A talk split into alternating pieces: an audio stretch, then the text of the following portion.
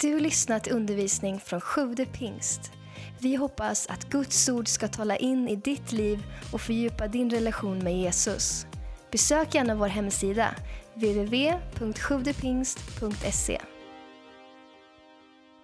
Vi ska börja med att eh, läsa ett bibelord idag som eh, jag kommer utgå ifrån i första Johannesbrevet kapitel 2 och eh, från 15 till 17. Och i fredags så predikade jag om verserna, de två verserna innan, men nu ska vi predika om de här tre verserna och lite annat såklart. Först Johannes brev 2 och så vers 15 till 17. Det står så här. Älska inte världen, inte heller det som är i världen. Om någon älskar världen finns inte Faderns kärlek i honom. Ty allt som finns i världen, köttets begär, ögonens begär och högmod över livets goda, det kommer inte från Fadern utan från världen. Och världen och dess begär förgår, men den som gör Guds vilja förblir i evighet. Rubriken på min predikan idag är Vad i hela världen vill du ha? Och här nu så tar Johannes upp och talar om att vi inte ska älska världen. Och det här tror jag ibland har förvirrat oss kristna till att tro att vi ska inte liksom nästan älska den som inte tror på Jesus och vi ska inte älska eh, någon god mat, vi ska äta något riktigt torrt och tråkigt så att vi inte liksom får för mycket att njuta av eller vi ska inte älska saker och vi ska inte så vidare. Det har fått oss kanske ibland att vända oss bort ifrån den värld vi lever i. Men jag tror att läser man lite mer och förstår vad Paulus vill säga, eller Johannes, förlåt mig, vad Johannes vill säga, så tror jag att det inte handlar om de här sakerna, utan det handlar om någonting djupare. Det handlar om, om, om, om ett begär, ett ha-begär, att vilja ha någonting. Att vilja liksom, jag vill ha det där, jag vill ha det där, jag vill ha det där. Och lägg märke till att det som det stod att om, om det där är det som tar upp störst tid i en människas liv, så finns inte Faderns kärlek i honom. Det står inte så älskar han eller hon inte Fadern. Men det står att Faderns kärlek finns inte i den personen. Vi vill ha en massa olika saker och i tioårsåldern så fick vi hem, när jag var i tioårsåldern, vi bodde i Jo på Orrelyckevägen 24. Vi hade telefonnummer 0503 10375. Kommer ni ihåg, var det någon som minns tiden när man kunde telefonnummer utan till? Va? Underbart! Claes Kronqvist 12111. Det var en av mina kompisar som jag umgicks mest med. Och Olof Djupström 13242. Så det hade man liksom. Och så gick man och ringde då när man skulle Eh, VAR med varandra som det hette. Ska vi vara? Ringde man och så hade man en lista då med den mest attraktiva vännen och sen så ja, gick det neråt lite grann. Eh, men hur som helst, när jag var i den där åldern så fick vi hem en sån här annonsblad. Ni vet, det brukar komma titt som tätt. Och så är det en massa specialerbjudande. Jag vet inte om, ni vet de här som var lite så här, den här storleken ungefär, jag kommer inte ihåg om det hette så här Sverigehäftet eller minns inte riktigt vad, men där fanns det massa olika saker. Du kunde signa upp dig för en ny tidning eller du kunde få, liksom, eh, vad vet jag, en ny gräsklippare och alla möjliga saker. Jag, jag tyckte det var ganska kul att bläddra i den där. Och så en gång så hittade jag någonting som verkade så otroligt attraktivt. Nämligen den här det här spelet. Eh, någon slags gamepad, jag vet inte vad man ska kalla den, handkontroll. Eh, jag känner mig ju typ hundra år gammal när jag säger att den här suktade jag efter som tioåring. Eller något i den, jag kommer inte ihåg exakt hur gammal jag var, men någonstans där. Jag ville så gärna ha den här och det var så kul i somras här nu, vi skulle rensa ur mamma pappas förråd så då var hela familjen där och hade bodelning, eller säga och rev i gamla lådor och roffa åt sig det finaste först och sådär. Och så hittade jag den här gamla speldosan, eh, eller spelkontrollen i en, eh, och det, kolla här nu då. Ser ni? Man kan vika upp skärmen som är helt svartvitt, inga färger. Eller ja, det är väl någon färg, det är väl svart eller grönt eller vad det är för något. Och jag såg den där och jag såg att det, jag kommer inte ihåg vad den kostade, men det kanske kostade sådär 300-400 kronor eller någonting. Jag bara kände, jag bara måste ha den där. Den hade nio spel i sig. Och inbyggd kalkylator. Fatta vilken grej! Och jag, alltså jag, åh vad jag ville ha den där vet du. Jag tog liksom, rev ut den där sidan och så gick jag till mamma och pappa och jag bara måste ha den här. Och de såg ju sin chansen nu till billig arbetskraft. Jag hade sommarlov så att de sa okej okay, om du jobbar, jag kommer inte ihåg vad det var, om det var två veckor, tre veckor eller någonting eh, och liksom hjälper till här hemma med lite diverse, då ska du få köpa den där spelkontrollen. Så jag höll på där i, i som sagt två, tre veckor på sommarlovet och jag gick ut med hunden tre gånger om dagen och jag vet att jag sattes på att rensa vinbärsbusken. Vi hade en gigantisk, eller rensa men plocka från vinbärsbusken. Vi hade en gigantisk vinbärsbuske. Eh, och ni som har plockat det vet att vet, det är så lätt att det bara blir mos. Man måste verkligen plocka liksom försiktigt, ta en sån här så rispa av de här, eh, ja vad det nu kallas. Reva dem kanske man säger. Och jag höll på där och greja och jag klippte gräset och jag hade en sån otrolig motivation för jag ville så gärna ha det här spelet. Och så gick de där veckorna och jag hade jobbat, gjort min del och så kommer det då till att jag fick skicka efter, riva ut, fylla i min adress på den här eh, talongen och så skicka efter den här och så någon vecka senare så kom den här hem då. Och för att komma ihåg så har jag skrivit ut vilka spel som är på framsidan. Så det var alltså Tetris, Shooting Brick Game, Bowling, Boxning, Formel 1, D-ball, The Space, är något spel här. Nummerfältet och tärning. Jag vet inte vad det var för spel Jag försökte få igång den här, men jag tror att de gamla batterierna hade ärgat ur och förstört den här, så jag fick tyvärr inte liv i den. Men du vet, jag ville så gärna ha den här. Om jag skulle visa detta för en tioåring idag, som kanske har fått ärva mamma eller pappas iPhone eller någonting, de skulle ju skratta. Pff, vad är det där liksom? Kanske att en tvååring skulle tycka att det är kul just det här att man kan vika upp och ner, det finns lite knappar och så. Men i övrigt va, så är detta, det, det kan lika gärna slänga det på soptippen. I stort sett. Eller lägga i leklådan kanske, där, där det finns lite gamla Eh, glasögon och, och, och, några tärningar och lite annat smått och gott. Du vet att det som var så dyrbart för mig då, som jag så suktade efter, är nästan ingenting värt idag. Jag tror att det är det där som handlar om att älska världen, att, att det handlar om att man vill ha mer. Jag vill ha mer hela tiden. Och det talar om, om köttets begär, alltså det som våran kropp liksom längtar efter. Om ögonens begär, man ser den där annonsen, eller man ser den där kvinnan eller den där mannen och man, åh, man bara vill ha. Du vet, det finns ett begär. Men det där begäret, det går över snabbare än kvickt, eller att säga. Och det, som, det kan vara så olika saker och kanske ett av våra största problem är det här ha-begäret. Att vi hela tiden söker efter mer. Åh, den där bilen. Åh, det där huset. Det där jobbet, den där mobilen. Vi skulle veta vad Sven har pratat om sin nya Samsung-telefon. Han har, liksom, han har tappat det helt här. Han är den enda i kontoret som har PC och Samsung, men han är glad och stolt och tacksam för det. Så jag, den är säkert jättebra. Jag tror den är kanon, kanontelefon. Men du vet, det blir sådär och jag tror det är inget fel med att vilja ha saker. Gud unnar oss det. Men om det är det som upptar hela vår varelse, om det är det som gör att vi hela tiden söker efter nästa kick, så blir det väldigt osunt. Och det får ta Guds plats i våra hjärtan, att vi hela tiden söker efter något nytt. Har du någonsin varit med om att få det du ville ha? Har ni varit med om det? Ja, jag tror det. Ni har alla fått kanske någon julklapp som slog in på önskelistan en gång i ert liv. Även om ni nu verkar vara helt bortstrålade här. Men eh, grejen med så fort man fått det man vill ha så måste man komma på något nytt att vilja ha. Därför att det är det enda, det här begäret vill ha mer. Du vet det som, vi pratade lite skojigt om det i fredags här, om du vet när man går in och ska uh, fundera på vad man ska ha på sig. Säkert hade ingen av er det här problemet i morse, men förmodligen en och annan om vi ska vara helt ärliga.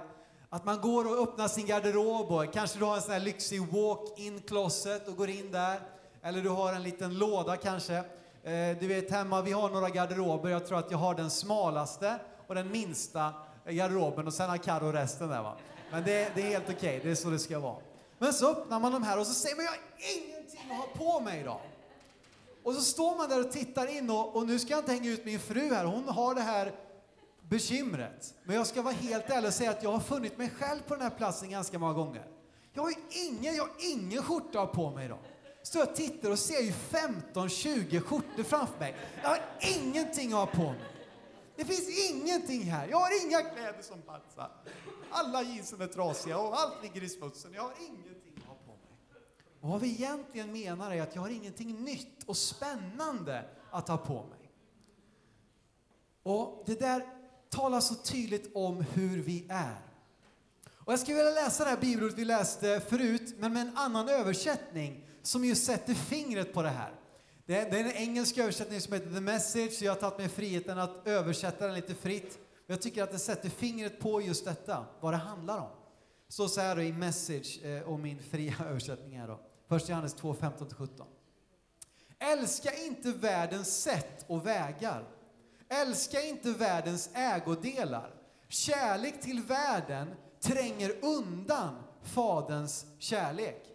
Praktiskt taget allt som pågår i världen, att vilja bestämma själv, att vilja ha allting själv, att vilja verka viktig, har inget med Fadern att göra. Det bara isolerar er från honom. Världen och allt den vill ha, ha och ha är på väg ut. Men den som gör det som Gud vill är redo för evigheten. Jag vet inte om ni har sett Hipp Hipp, har ni gjort det? Det är den här norrmannen som säger det. De vill bara ha, ha, ha och ingen ge, ge, ge. Och det, han pratar om sin familj då, de är lite otacksamma och det bara kräver mer och mer. Men det säger någonting om oss. Vi vill bara ha, ha, ha, vill ha mer. Hela vårt liksom, mindset, hela vårt tankesätt är uppbyggt på det här sättet. Inte minst kanske i västvärlden, men kanske i hela vår värld. Och det jag vill säga det igen, det är inte sakerna som är problemet. Det är inte att du lyckas med ditt jobb som är problemet. Det är liksom inte de här sakerna, men det är ha-begäret som är problemet. Att du vill det så gärna. Du vill ha det så mycket att det tränger undan Faderns kärlek och Gud hamnar på en lägre plats. Jag tror till och med att det påverkar våra, våra äktenskap, våra relationer. Har ni tänkt på så lavinartad utveckling det har varit med skilsmässor och trasiga relationer. Och jag säger absolut, det kan finnas orsaker, det kan finnas olidliga saker som leder fram till en skilsmässa. Jag vill inte raljera på något sätt med den som gått igenom en sån svår situation kanske. Men jag tror också att mycket ligger i att när vi då har fått den där när bröllopet är över, när vi har fått gå fram där den vackra vita klänningen och den fina kostymen och ätit den goda maten och fått stå i människornas uppmärksamhet under en tid. Och sen kommer den grå vardagen. Och då har man ju redan fått det man så länge har längtat efter. Och det här tankesättet kan få dig att börja söka, sukta efter någon ny. Ah, men du vet, den där gamla frun eller den där gamla mannen, det finns väl något roligare, något lite mer nytt och spännande. Och det där tror jag är livsfarligt när det får styra våra liv. Så vad är motgiftet? Vad ska vi göra för att inte hamna där? Och nu skulle man ju kunna säga, och kanske du har suttit i en kyrka ibland och fått höra att lägg av med det där, skärp till dig, bli en bättre kristen. Läs din bibel mer. Be mer nu, Emma. Kom igen nu. Skärp till dig. Börja vittna mer för dina kompisar. Nu ska vi bara bli bättre. Nu ska vi lägga av med de här sakerna. Och kanske att det ger oss en quick fix, en, en, liksom en kortsiktig lösning. Men jag tror inte att det är den långsiktiga lösningen. Det kommer lägga dig, belägga dig med skuld, med skam och trycka ner dig och du kommer gå genom livet så här. Vi pratade om det lite grann i fredags, att, att liksom gå att ha ett helt annat liv än det som Gud har tänkt för oss. Men vad var motgiftet? Jo, Johannes sa att om någon älskar världen är Faderns kärlek inte i honom. Så att om Faderns kärlek är i honom eller henne så borde det betyda att den här kärleken till världen inte är det. Så att lösningen är Faderns kärlek. Att få uppleva den, att få uppfatta den, att få omfamna den och välkomna den i sitt liv. Därför att det här ha-begäret grundar sig egentligen i att vi tror inte att Gud vet vad som är bäst för oss. Vi tänker att det är nog bäst att jag gör detta själv och detta går tillbaka hela vägen till skapelsen. Ska vi gå till första Mosebok kapitel 3? och läsa om syndafallet. Denna tragiska händelse där Adam och Eva väljer att lyssna mer på djävulens lögner och förtal än på Guds eh, ord som är sanning. Det står så här i Första Mosebok 3, 1-7. Ormen var listigare än alla markens djur som Herren Gud hade gjort. Han sa till kvinnan, och ormen är ju alltså en bild för djävulen. Har Gud verkligen sagt, ni får inte äta av alla träd i lustgården? Kvinnan svarade ormen, vi får äta av frukten från träden i lustgården, men om frukten på det träd som står mitt i lustgården har Gud sagt, ät inte av den och rör inte vid den. Lägg märke till redan här att Gud sa aldrig att de inte fick röra vid frukten. Utan redan här börjar Eva förvränga vad som Gud verkligen har sagt, därför att djävulen kommer in och försöker att få henne att lyssna mer på honom. Då sa ormen till kvinnan från vers 4. Ni ska visst inte dö, men Gud vet att den dag ni äter av den ska era ögon öppnas så att ni blir som Gud med kunskap om gott och ont.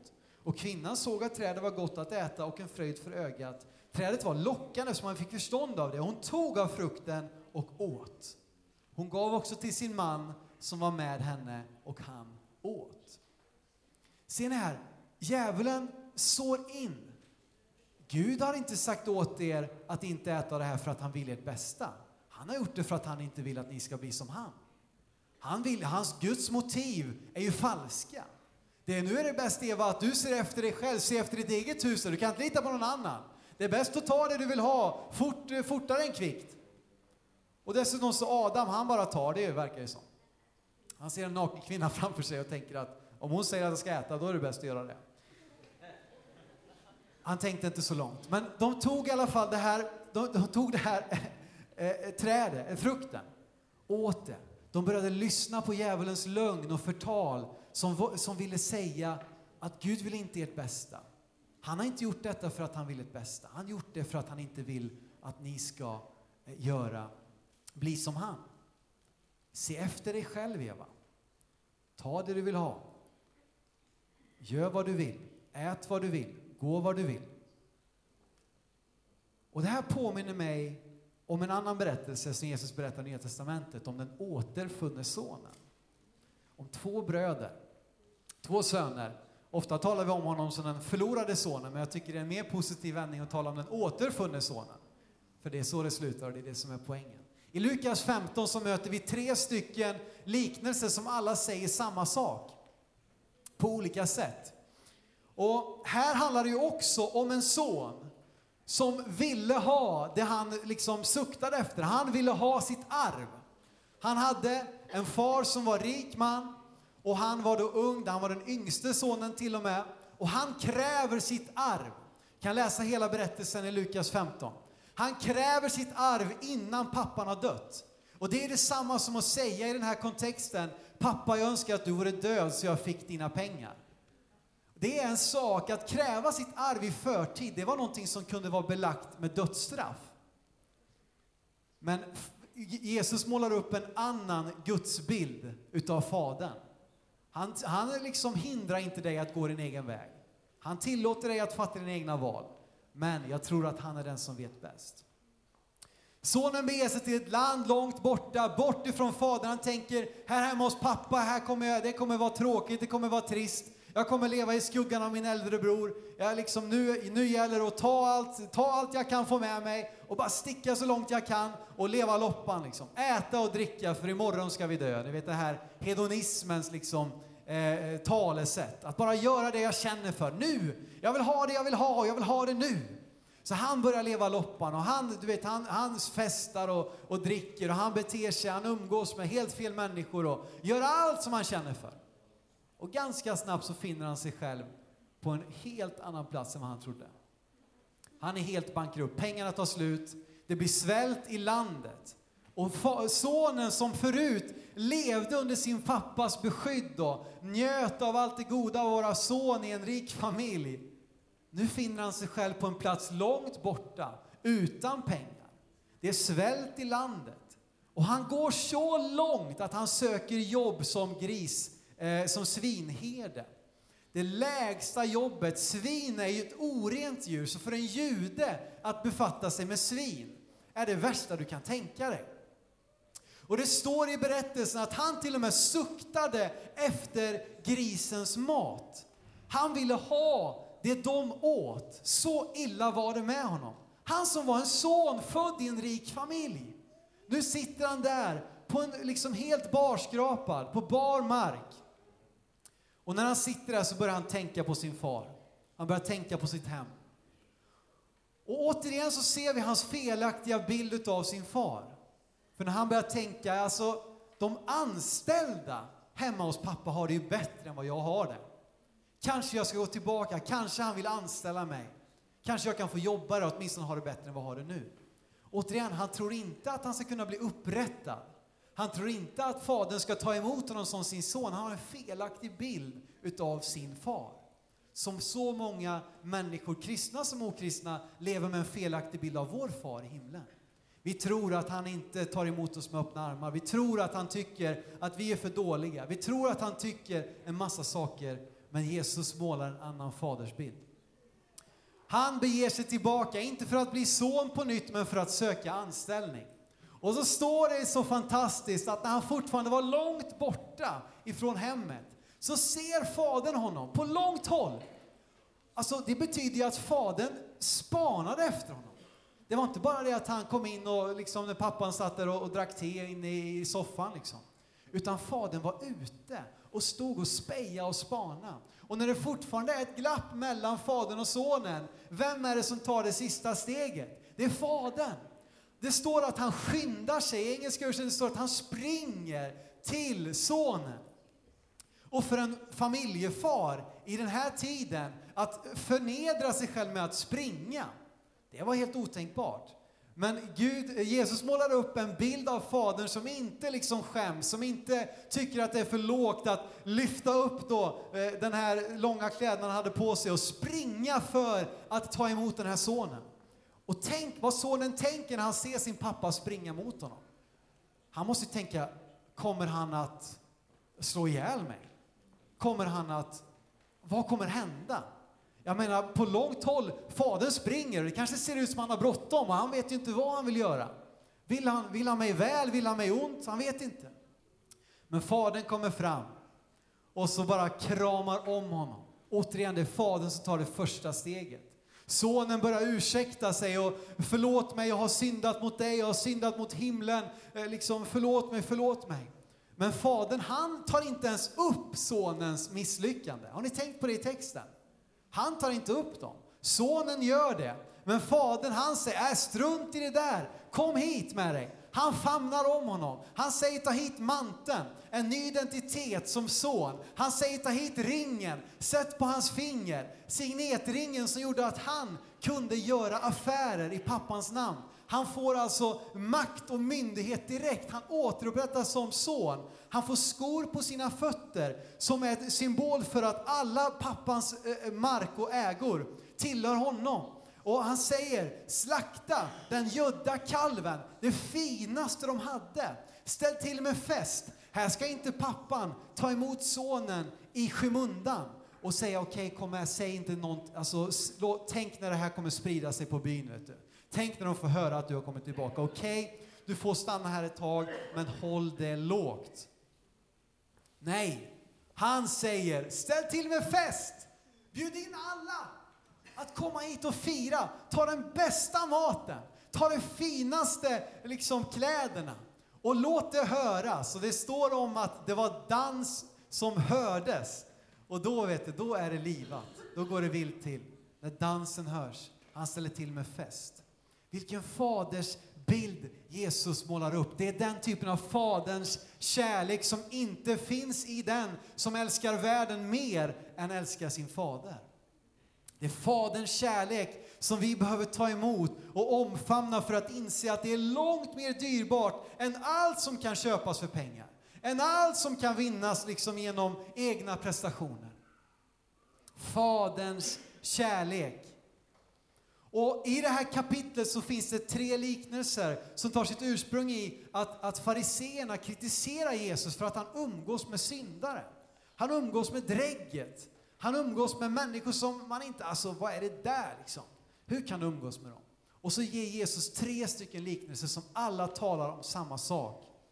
Och det, de, de, alla de här tre liknelserna, det är först då är det den om fåraherden som har hundra får, ett får springer iväg och herden lämnar de 99 för att ge sig efter det borttappade fåret och föra det tillbaka till jorden. Det finns den bilden som är om änkan som hade tio silvermynt, hon tappar bort ah, ett utav dem. Hon eh, eh, ställer upp och ner på hela huset och hittar myntet igen och ställer till med fest. Och så har vi då detta om den återfunne sonen. Men det finns någonting gemensamt i de här. Det första är att de är orimliga. Det är orimliga liknelser. Jag menar, de hundra fåren, för honom var ju detta eh, en, en, en pensions... Alltså, det var ju hela hans ägodel, hela hans rikedom. Han hade ju, den här fåraherden hade ju liksom inget fondkonto på banken. Det var ju de 99 fåren som var eh, hans eh, ägodelar, hans säkerhet, hans framtida pension. Men han lämnar de 99 för att ge sig efter ett enda får. Och när fåret har kommit tillbaka så ställer han till med fest som säkert kostade mer än vad det här fåret var värt. Likadant med änkan. Hon hittar myntet, kallar samman sina vänner och säger låt oss nu glädjas. Och du vet när de bjöd hem människor ifrån sina vänner, sin familj, från sitt grannskap för att glädjas, då är det självklart att det innefattade en fest, en bjudning. Att hon ställer till med kalas som säkert kostade mer än vad silvermyntet var värt. Likadant med sonen. Att det är, så att de är orimliga de här berättelserna. Och det är också så att det, det försvunna gör ingenting för att bli hittat. Fåret har bara sprungit iväg. Och så kommer herden och plockar upp det. Myntet kan knappast vilja eller liksom påverka att, han blir, att det blir funnet utav änkan. Och sonen, där kan vi tycka, men han vände ju åt det. Men vad gjorde han egentligen? Han gick för att få jobb. Han gick inte dit för att bli son igen. Ingenting av det han fick hade han förväntat sig. Han gick och tänkte, ja men kanske, kanske att han åtminstone kan anställa mig och inte liksom ha ihjäl mig. Men har han ihjäl mig, då kanske det är lika bra. Det är ju bättre det än att leva här bland svinen. Men Fadern är den som sluter gapet. Det är han som tar det sista steget närmast sig Sonen och ställer till med fest. Och festerna är oproportionerliga. Sonen, det var ingen återvändande soldat som har varit ute i strid och kamp och nu ska vi firas. Det var ingen student som precis har tagit studenten eller precis fått examen och nu ska det firas. Det var den misslyckade, förrädaren, svikaren. Det var ju den personen som kom tillbaka. Det är helt oproportionerligt att Fadern ställer till med en sån fest. Men det är också en bild av Faderns kärlek till dig och mig. För man undrar här, var finns omvändelsen? Jesus säger ju omvänd er Eh, eh, och, och, och till himmelriket är nu nära. Och Petrus säger omvänd er, låt alla döpas i Jesu Kristi namn. Och vad innebär egentligen omvändelse? Ja, kanske är det att helt enkelt bara ge upp sig själv. Att ge upp och säga jag klarar inte det här. Jag vill inte, jag, jag, jag fixar inte det här. Gud, jag vill ta emot din kärlek. Att helt enkelt öppna sig för Guds kärlek. Kanske en lite provocerande tanke, men tänk på de här tre liknelserna som Jesus talar om direkt för att beskriva eh, just detta när det återfunna blir funnet igen. Som är en direkt symbol, liknelse av vad som sker när en människa får ta emot Jesus i sitt liv. Så min fråga är, vad i hela världen vill du ha?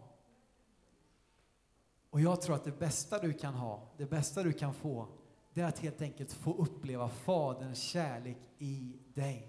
Att förstå lite mer utav vilken typ av Gud vi tror på, som vi predikar. Vilken typ av fader som älskar oss.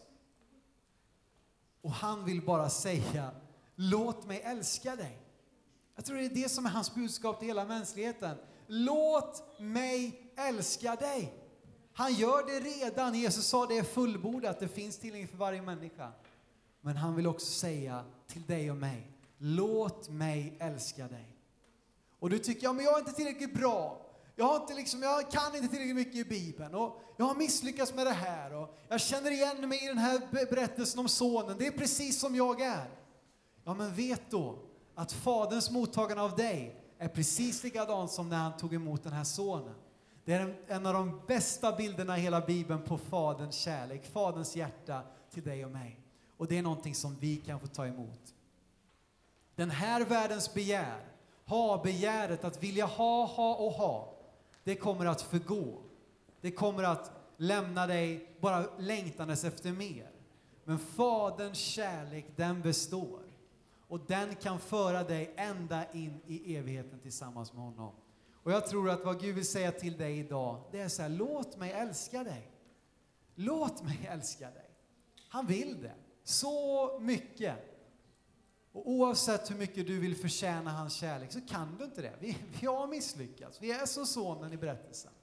Men hans hälsning till dig och mig är, låt mig älska dig.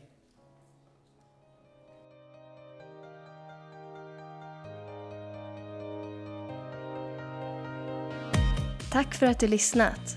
Glöm inte att du alltid är välkommen till vår kyrka. Du hittar mer info på www.sjodepingst.se